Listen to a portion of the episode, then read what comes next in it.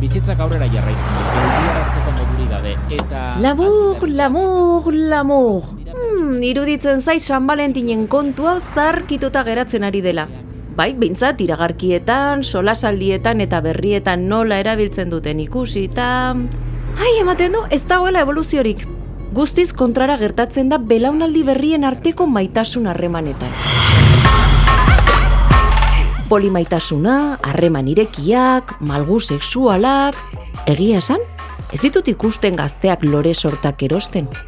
Batez ere, asko oparitu beharko lituzketelako. Horre dakarren gastuarekin.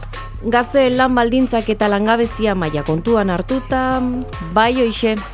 Beraz, edo San Valentin berrasmatzen dute, edo laster iritsiko zaio azken ordua. Edo nola ere, lehen etzen hain ezberdina. Lehen ere baziren polimaitasunak eta abar.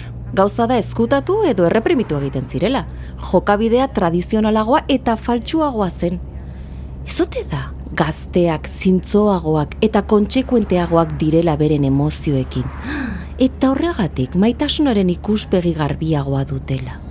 Eta noski, maitasun garbi eta zintzo horren barruan, San Valentinek eta alako pitokeriek ez dute zentzurik. Ai, egun berezia atzo. Nik benetan maite dudanak urteak egin zituen. Irratiak. Bera bai lagun ona. Azteko, behar duzunean hor da. Ez dizu utxik egiten. Gainera ez dizu aspertzeko astirik ematen. Milaka izketa gai ditu eta polianitza ere bada, eta instant batean moldatzen da behar duzunera.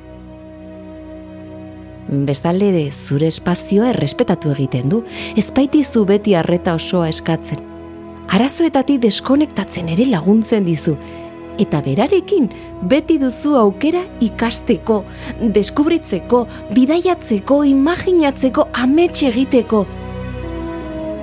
Eta gauza bat oso interesgarria kalaka gehiagizkoa iruditzen bazaizu, itzali eta desagertu egiten da. Berriro, berarekin bat egin nahi duzun arte. Ai, gehiago ezin eskatu. Espero dezagun ideia horiek guztiak ez ahaztea, zaharkituta ez geratzea. Maite zaitut irratia.